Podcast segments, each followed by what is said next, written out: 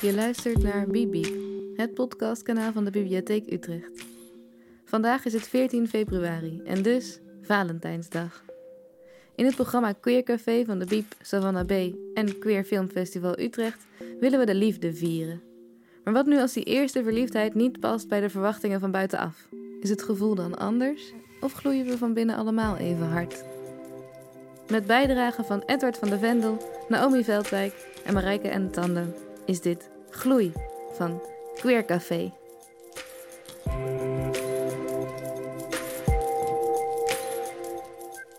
Ze straalde niet. Van een afstandje kon ik zien dat ze er met haar hoofd niet helemaal bij was. Ik hield haar in de gaten alsof ze iets van me aan had. Een aantrekking die ik niet kon negeren. Ik bleef naar haar kijken alsof ze net van Venus kwam. Kwetsbaarheid, schoonheid, lieflijkheid, dat is wat ik meteen zag. Staren is onbeleefd, heb ik geleerd.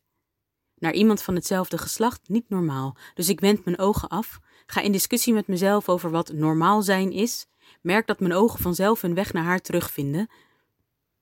Een schokje door mijn lichaam. Normaal. Maar ik voel me helemaal niet raar. Mijn ogen zochten de haren haar hoofd nog steeds neer. Ik wilde weten wat er aan de hand was. Ik wilde weten wat er op haar hart lag. Ze moet gevoeld hebben dat er iemand naar haar keek. Ze keek voorzichtig om zich heen en vond mij.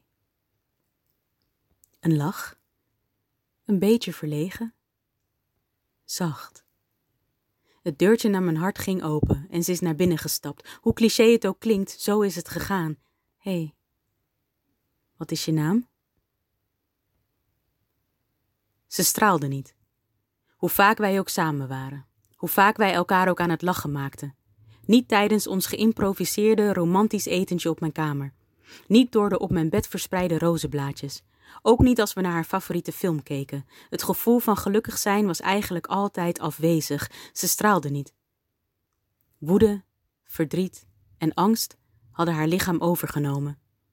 Ze kon het niet te boven, ik ging eraan ten onder. Ik kon haar niet zien lijden. Ik kon haar ook niet helpen. Ze moest op zichzelf haar verleden verwerken. Ik kon haar echt niet helpen. Ik kon haar pijn niet dragen. Waarom kon ik haar niet helpen? Waarom kon ik haar niet laten stralen?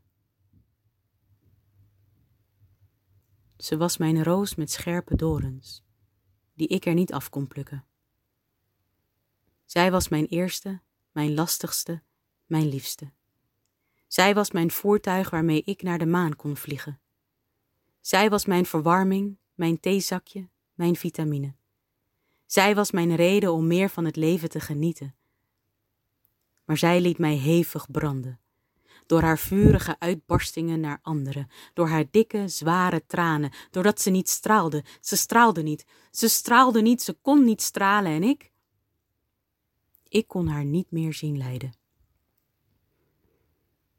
Er kwam een einde aan wij. Terug naar ik en jij.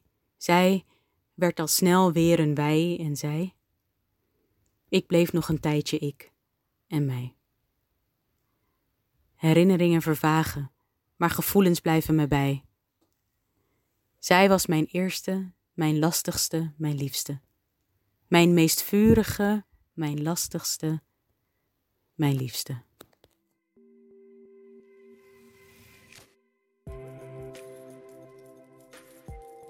Dat was het eerste stuk van Naomi Veldwijk. Tijdens Queer Café gaan we met elkaar in gesprek in de bibliotheek. Kijken we naar films gecureerd door het Queer Filmfestival Utrecht. En luisteren we naar voordrachten gecureerd door Savannah B. Hallo, mijn naam is Joost, Joost de Vries. Ik ben een van de oprichters van het Queer Filmfestival Utrecht. Een van de samenwerkingen waar we als Queer heel erg blij mee zijn, is de samenwerking met, uh, met de bibliotheek in de vorm van het Queer Café. En uh, we hebben een film uitgekozen van uh, Niels Bourgogne uit 2019. En uh, die film die, die gaat eigenlijk over verliefd worden. Een prachtig liefdesverhaal in negen minuten gefilmd. heel kort de samenvatting. Bram, die zie je verschijnen op een feest. En hij komt een, een wat oudere jongen, Florian, tegen op de dansvloer. En is hij eigenlijk in één klap verliefd. Alleen een probleem, niemand weet dat hij, dat hij homo is en dan staat hij voor een bepaalde keuze. Ja, en die film die, die raakt mij persoonlijk omdat het heel herkenbaar is. Je staat op een feestje, je ziet iemand anders die je leuk vindt. blikken die heen en weer gaan, het afwachten, maar ook de druk die je voelt vanuit de omgeving. Vooral als je nog in de kast zit. Van ja, hoe ga ik dat doen? Ik, ik wil niet dat mensen mij gaan veroordelen, et cetera. Dus dan heb je eigenlijk wel een portie lef nodig om uh, uh, uit de kast te komen. Ja, en speciaal voor, voor de luisteraars van deze podcast hebben we deze korte film beschikbaar gesteld. Dus ga hem gauw kijken. check de link op de website van, van de bibliotheek. Hallo, ik ben Mariska van Boekwinkel Savannah B. Boekwinkel Savannah B is een Utrechtse boekwinkel, gelokaliseerd in de Telingstraat in Utrecht, vlakbij de bibliotheek De Neude. En het is een boekwinkel die al sinds 1984 daar zit, voortgekomen uit de, de allereerste vrouwenboekwinkel van Nederland. En nog steeds is Savannah B gespecialiseerd in boeken, niet zozeer over vrouwen alleen, maar over gender, seksualiteit, diversiteit en LHBTQI en alle andere letters. Um, vanuit die specialisatie zijn wij al sinds het begin mede-organisator van het Queer Café in de Bibliotheek Neuden. En wij zijn daarin verantwoordelijk voor uh, het literaire gedeelte, kan ik wel zeggen. Dus de schrijvers, de spoken word performers. Voor deze Valentijnseditie hebben we uh, met het thema liefde, queer liefde in ons achterhoofd een speciale leeslijst gemaakt. Deze leeslijst vind je op de website van Savannah B. Het boek Gloei van Edward van de Vendel kun je hier zeker ook vinden. En binnenkort ook het boek van Naomi Veldwijk, een bundel met queer bedtijdverhalen. Iets om naar uit te kijken. Ik sprak Edward van de Vendel, schrijver van het boek Gloei. Samen met Ntando en Marijke. In het boek werden 21 jongeren geïnterviewd, dus de 16 en de 23 jaar, over hun gender en geaardheid, maar eigenlijk vooral over de liefde. Het belangrijkste jongerenboek van het jaar, schreef de Volkskrant. We horen Edward en twee van de geïnterviewde jongeren, Ntando en Marijke, in gesprek over de liefde als jonge lesbische vrouw in een religieus nest en als jonge man met een intersexieconditie. Nee, Nee, het is een heel ander soort wereld. Uh, als ik ook aan mensen vertel, uh, dus een beetje mijn verhaal vertel, en dan denken ze, hè, maar je komt toch uit Nederland en Nederland is toch zo uh, progressief? En dan zeg ik, ja, zeg maar in het algemeen wel, maar je hebt een hele wereld apart waar dat helemaal niet speelt. Dat is gewoon, ja, dat, dat is gewoon niet zo daar. Je bent, wordt daar niet geaccepteerd. Dat is ook gewoon zo. Dus, ja. Um, ik heb niet heel veel contact meer met uh, mensen van vroeger. Ik heb wel twee goede vrienden van uh, mijn middelbare school die ook alle twee uit de kerk gestapt zijn, ook alle twee LHBT zijn. En daar spreek ik nog wel mee. Ja, en familie heb ik nog steeds die ik wel spreek. Um, ik ga gewoon veel meer mijn eigen weg. Ik, ik ga ook niet meer naar de kerk. Ik, ik ben er van afgestapt. Dus dat soort dingen zijn dan allemaal soms een beetje gevoelig. Um, ja, dus ik doe een beetje mijn eigen dingen, zij doen hun eigen dingen. En we proberen het zo een beetje, een beetje goed, te, ja, goed te houden met elkaar. Mijn eerste verliefdheid was op mijn veertiende, denk ik. Ja, het is een beetje last van wat tel je mee. Als je iemand leuk vindt van een film of zo, is dat dan ook verliefdheid. Maar het eerste, mijn eerste verliefdheid op een echt persoon was op mijn veertiende. Dat was op een vriendin uit een vriendengroepje. En uh, ja, was heel onschuldig. Ik wist ook niet heel goed dat het verliefdheid was. En uh, ik was nog maar 14, dus dan ben je ook wel jong. Uh, ja, ik, ik, ik, ik kan me niet heel goed meer herinneren, omdat het zo lang geleden is. Ook in een totaal andere wereld. Ook gewoon mijn belevingswereld was heel anders. Maar ik vond haar gewoon heel erg leuk. En ik wilde altijd alleen met haar zijn. En ja, ik weet niet. En toen heb ik het uiteindelijk tegen haar verteld. Omdat ze aan mij vroeg een paar keer van, wie vind je dan leuk? Want dat had ze een soort van doorgekregen, dat ik iemand leuk vond. En toen had ik het verteld in de pauze op school en zij vond het, uh, ze reageerde niet zo heel goed.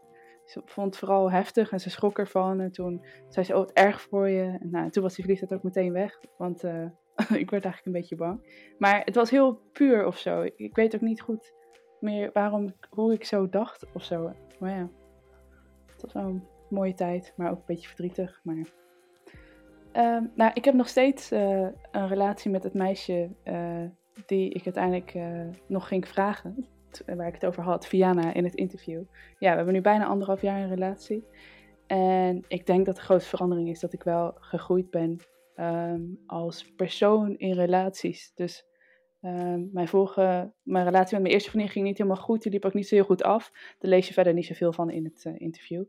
Maar uh, ja, ik denk mijn verandering is dat ik daar gewoon beter in geworden ben. Dus relaties. Dus zowel vriendschappen als uh, ook in de liefde. Dat ik, het, dat ik minder, ja, minder bang ben, dat ik meer weet wie ik ben, zelfverzekerder ben, volwassener. Ja, dat is de grootste verandering. Eh, laten we zeggen, vroeger, nou, eh, nog, nog vroeger dan wat ik net zei, 20 jaar geleden, had je wel gay young adult romans, maar dan gingen de hoofdpersonen altijd dood. Of ze werden heel erg ziek. Je kon pas over, over homoseksualiteit schrijven als er uh, iets heel ernstigs aan de hand was. Terwijl ja, je wilt ook gewoon lezen over eerste liefde, of over relatiezaken enzovoort. Dus nou ja, goed. Maar goed, die serie kwam. Maar, toen dacht ik, ja, dan wil ik nou zelf het eerste boek. En dan wil ik eigenlijk heel graag gewoon nu een beeld geven van, van LHBTQIA jongeren in Vlaanderen, in Nederland, in alle breedte. Ze, uh, alle, alle achtergronden, alle, dus niet alleen maar homo of lesbisch, maar ook uh, biseksuele of, of panseksueel of intersexe jongeren enzovoort enzovoort uit Vlaanderen, uit Nederland. In leeftijd verschillend, in opleiding verschillend. Dus daar ben ik toen naar op zoek gegaan. Nou, dat was een avontuur. en dat is eigenlijk bij ieder op een andere manier gegaan. Um, dus ik heb een aantal van, van de mensen die ik om me heen heb, vrienden, gevraagd van weten jullie iemand die ik absoluut moet interviewen? Nou, daar kwamen een paar mensen uit. Ik heb een oproep gedaan op, uh, op social media, daar kwamen wat mensen uit. Um, uh, Marijke bijvoorbeeld heb ik gevonden via een gezamenlijke vriend van ons. Een van die vrienden van haar die ook bij haar op haar school had gezeten. Dat is weer iemand die ik volg voor misschien nog eens een keer een ander boek. En Natando heb ik op een, nog bijzonderder manier gevonden. Want ik wilde heel graag ook schrijven over iemand, of in ieder geval iemand spreken die een uh, intersexe conditie heeft. Iets wat helemaal niet zo heel erg bekend is in Nederland. Belachelijk dat dat niet zo bekend is dat het best veel voorkomt. En ik had dus de, de Nederlandse en de Vlaamse uh, Vereniging voor inter, Personen aangeschreven. En met name de Nederlandse vereniging had heel erg zijn best gedaan om iemand te vinden, maar dat was niet gelukt. Er waren wel mensen, maar die waren niet in de leeftijd. En om nou in een boek over jongeren opeens een 40-jarige te interviewen, dat is natuurlijk een beetje raar. Um, maar toen had ik het boek, ik had het boek dus al afgerond, ik had al twintig gesprekken gehad en helaas geen een persoon met intersexconditie kunnen spreken. En ik had al een nawoord geschreven waarin ik schreef van ja, dit is helaas niet gelukt. Hopelijk komt er ooit een herdruk en dan uh, ga ik dat nog proberen goed te maken. Maar toen kwam corona. En daardoor werd het boek een beetje uitgesteld, een paar maanden. En toen dacht ik, nou, ik ga het nog één keer proberen. En toen heb ik nog een keer een bericht gestuurd aan die vereniging. En die vereniging heeft, denk ik, aan een aantal mensen de oproep doorgestuurd. En opeens kreeg ik op een dag een telefoontje en dat was Natando. Die belde mij op. Nou ja, heel cool. Dat heeft niemand. Dat is de enige bij wie dat zo gegaan is. Um, en toen was... Ja, en hij was dus mijn, uh, mijn, mijn, mijn, mijn laatste cadeau. En een heel groot cadeau. Ja, ja. Mijn uh, moeder die uh, zei mij dat Edward nog iemand met een intersectieconditie zocht voor zijn boek. En die zei, ja, past precies eigenlijk in jouw straatje. En vindt hij het leuk om mee te doen? Maar mijn moeder snapte ook wel dat dat lastige dingen meebracht en zo. Omdat het is iets wat niet heel veel besproken wordt en zo. Maar goed, ik uh, heb hem toen gewoon gebeld. en uh, gezegd van ja, ik, hier ben ik, ik wil wel meewerken, zeg maar. En zodoende. Ja, mijn ouders waren heel trots. Die vonden het hartstikke leuk. Die waren hartstikke trots op mij. Eigenlijk ja, eigenlijk iedereen was wel heel, die erover sprak, was wel heel erg erover, erover te spreken. En uh, ik heb het boek ook gebruikt om aan de wereld zeg maar, te laten weten dat ik dat had. Want ik had zeg maar meegewerkt aan dat boek. En uh, ja, toen zat ik er nog steeds een beetje mee in mijn maag. Ik had er nou wel meegewerkt. Maar eigenlijk wist nog praktisch niemand dat van mij. En toen uh, heb ik een Insta-post gedaan. En het gewoon allemaal verteld. Ik heb er van alles onder gezet met ik heb meegewerkt aan een boek omdat ik een intersectieconditie heb en ik graag daarover wil vertellen.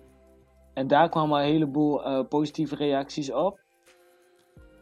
En uh, toen het boek uit was en mensen het gelezen hadden, was eigenlijk iedereen die erover sprak hartstikke positief en zei wat mooi en wat goed. En ja, dat uh, was wel mooi om te horen.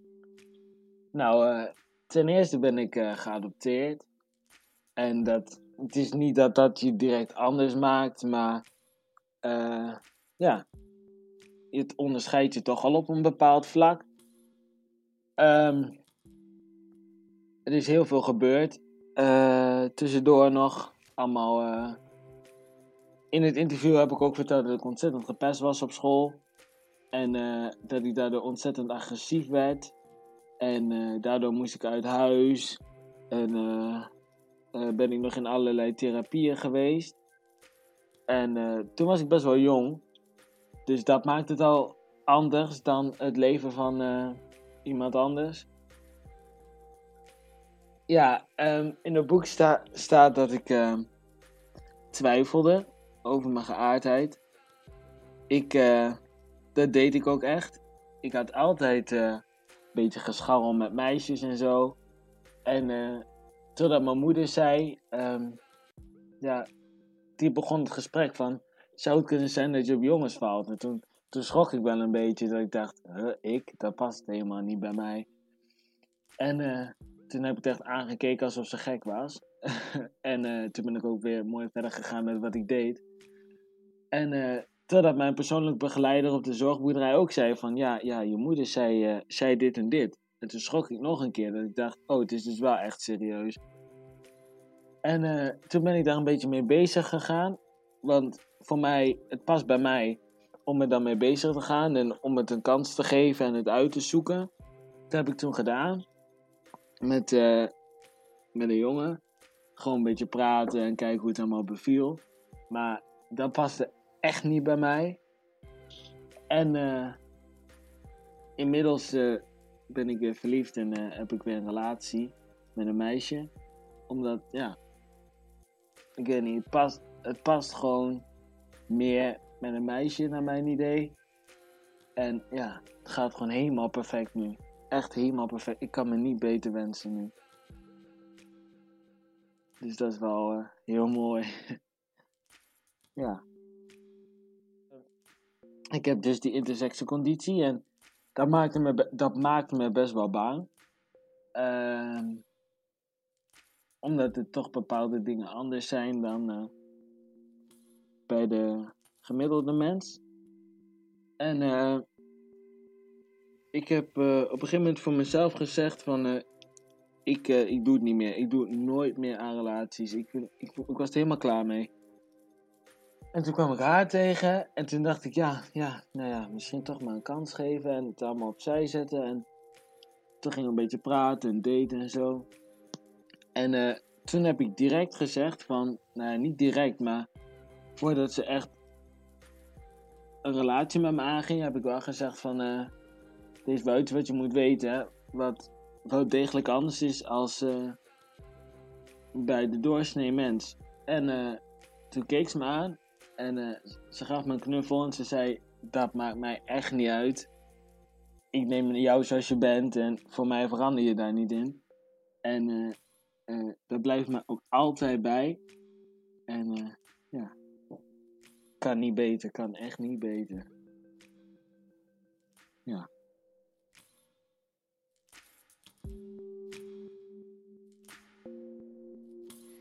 Maar om te antwoorden op je vraag wat er gloeit in mijn leven. Um, nou, ik moet sowieso zeggen mijn vriendin, uh, Viana. We zijn nu anderhalf jaar bij elkaar samen. En uh, ik zie haar eigenlijk helemaal niet. Want zij zit op dit moment in Zwitserland en ik ben op dit moment in Nederland. En uh, ja, we zijn een poos een lange afstandsrelatie aan het doen. Omdat we alle twee ons eigen ding wilden doen. En wilden ik gaan ontdekken wat we eigenlijk ja, leuk vinden. En um, dus ja, ja, ik zie er helemaal niet. En we, we, bellen ook niet, we appen ook niet. We schrijven elkaar alleen brieven. Om zo, zoveel mogelijk op ons eigen leven te focussen. Maar elkaar ook wel echt de aandacht te geven in een brief.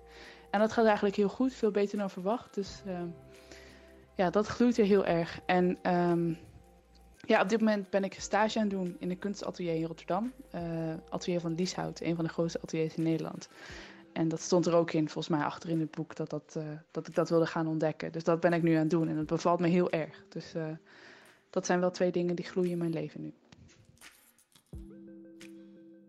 Um, ik ga enorm gloeien van het idee dat alles nu lekker gaat, alles goed gaat en het eigenlijk alleen maar beter kan worden. Nog en beter gaat worden nog.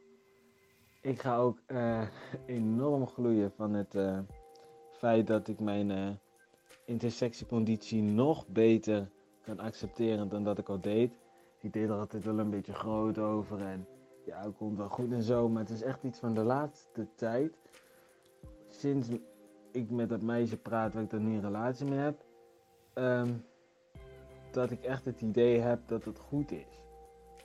Daar ben ik echt heel blij mee. Daar ga ik ook echt heel erg van gloeien. Uh, ja, en uh, ja, wat, waar ga ik van gloeien in de nabije toekomst? Ja, gewoon van het idee dat het uh, alleen nog maar beter kan worden. En in de iets verdere toekomst, waar ik dan van ga gloeien, is het feit dat we nu aan het proberen zijn dat ik dit jaar nog op mezelf kan gaan wonen ja, daar ga ik gewoon echt van gloeien. Dat vind ik helemaal geweldig. Dat is gewoon mooi.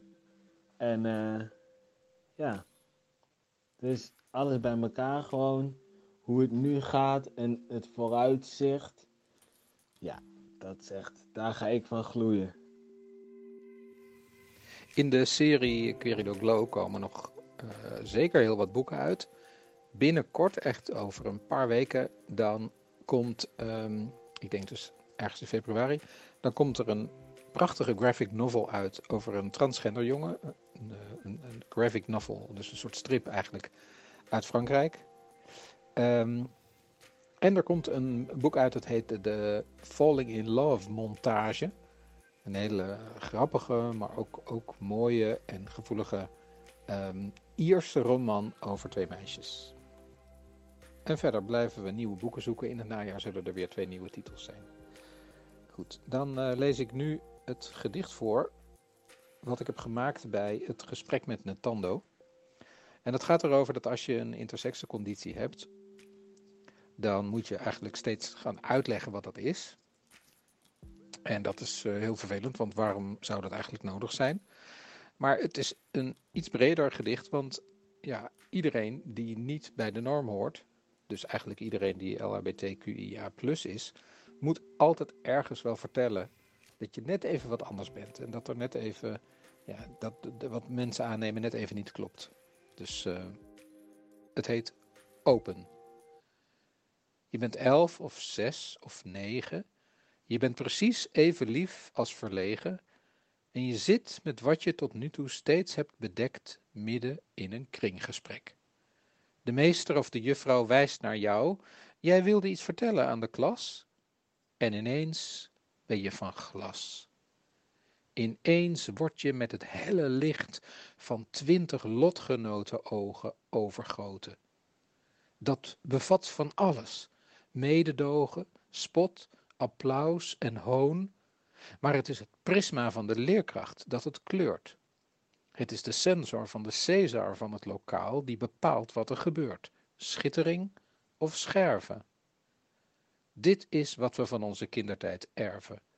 Iedereen die niet op iedereen blijkt te lijken, moet op een dag door zich heen laten kijken.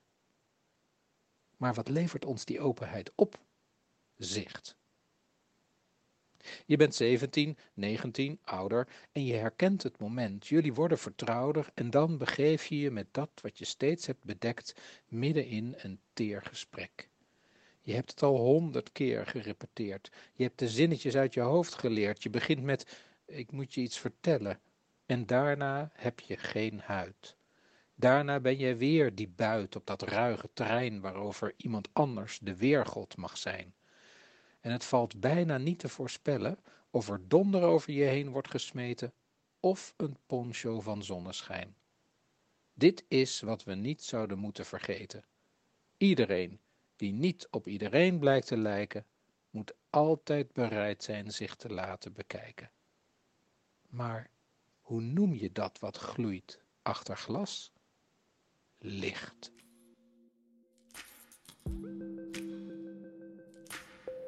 Meer lezen over Natando en Marijke of een van de andere geïnterviewde jongeren? Koop of leen Gloei. En volg Edward van de Vendel, zodat je overal van op de hoogte kan blijven. We sluiten dit queercafé af zoals we hem begonnen. Met de woorden van Naomi Veldwijk.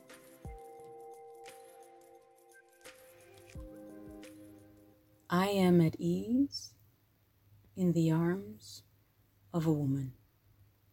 Although now most of my days I spend alone. A thousand miles from the place I was born. But when she wakes me, she takes me back home. In my fantasies, I give her orgasms over and over and over again. I know the right way to slide two fingers in. Feel that wetness. Shit. With my other hand, I try to grab both tits, and as I'm bouncing my fingers back and forth, making her ready to explode, I can see her rolling her eyes, losing her mind, and when she's loud enough that even the neighbors can hear her moan, I put my lips on her ear and whisper, You are so beautiful. A true goddess. She's the explanation of why my soul will never die in darkness. With her heart pressed against mine, no one is dangerous. Now, I don't want to put her on a pedestal, for I believe we are equal because I am, she is made of awesomeness, appreciation, power, and beauty. She is nature's proof of a true human identity, a woman who fears the fear of becoming the greatest of all, but I, I believe in her. Even if she would fall again and again and again, I will have her back. Reach out my hand so she can pull herself back up. The perfection of being imperfect, just like any other. But she's embracing her flaws, so why bother? She is a runner. Let's run away together. Let's run to ever. Let's never say never. Grab my hand and then I'll tell her, hey, I have always been a runner too. And then her body speaks to me, tells me, please, please understand me. I know I don't have to talk when you feel me, breathe me. I know you can read me, hug me, kiss me. Hug me again. Kiss me again. Hug me one more time and kiss me because I, I am at ease in the arms of a woman. Although now, most of my days I spend alone. A thousand miles from the place I was born. But when she wakes me, she takes me back home. Wij waren Queer Café. Dat zijn de Bibliotheek Utrecht, Savannah B en Queer Filmfestival Utrecht. Met dank aan iedereen die een bijdrage leverde. Wij hopen jullie gauw weer bij ons in de bibliotheek te kunnen ontvangen voor een live versie van het Queer Café. Voor nu, vier de liefde in alle vormen. En gloei, geef licht.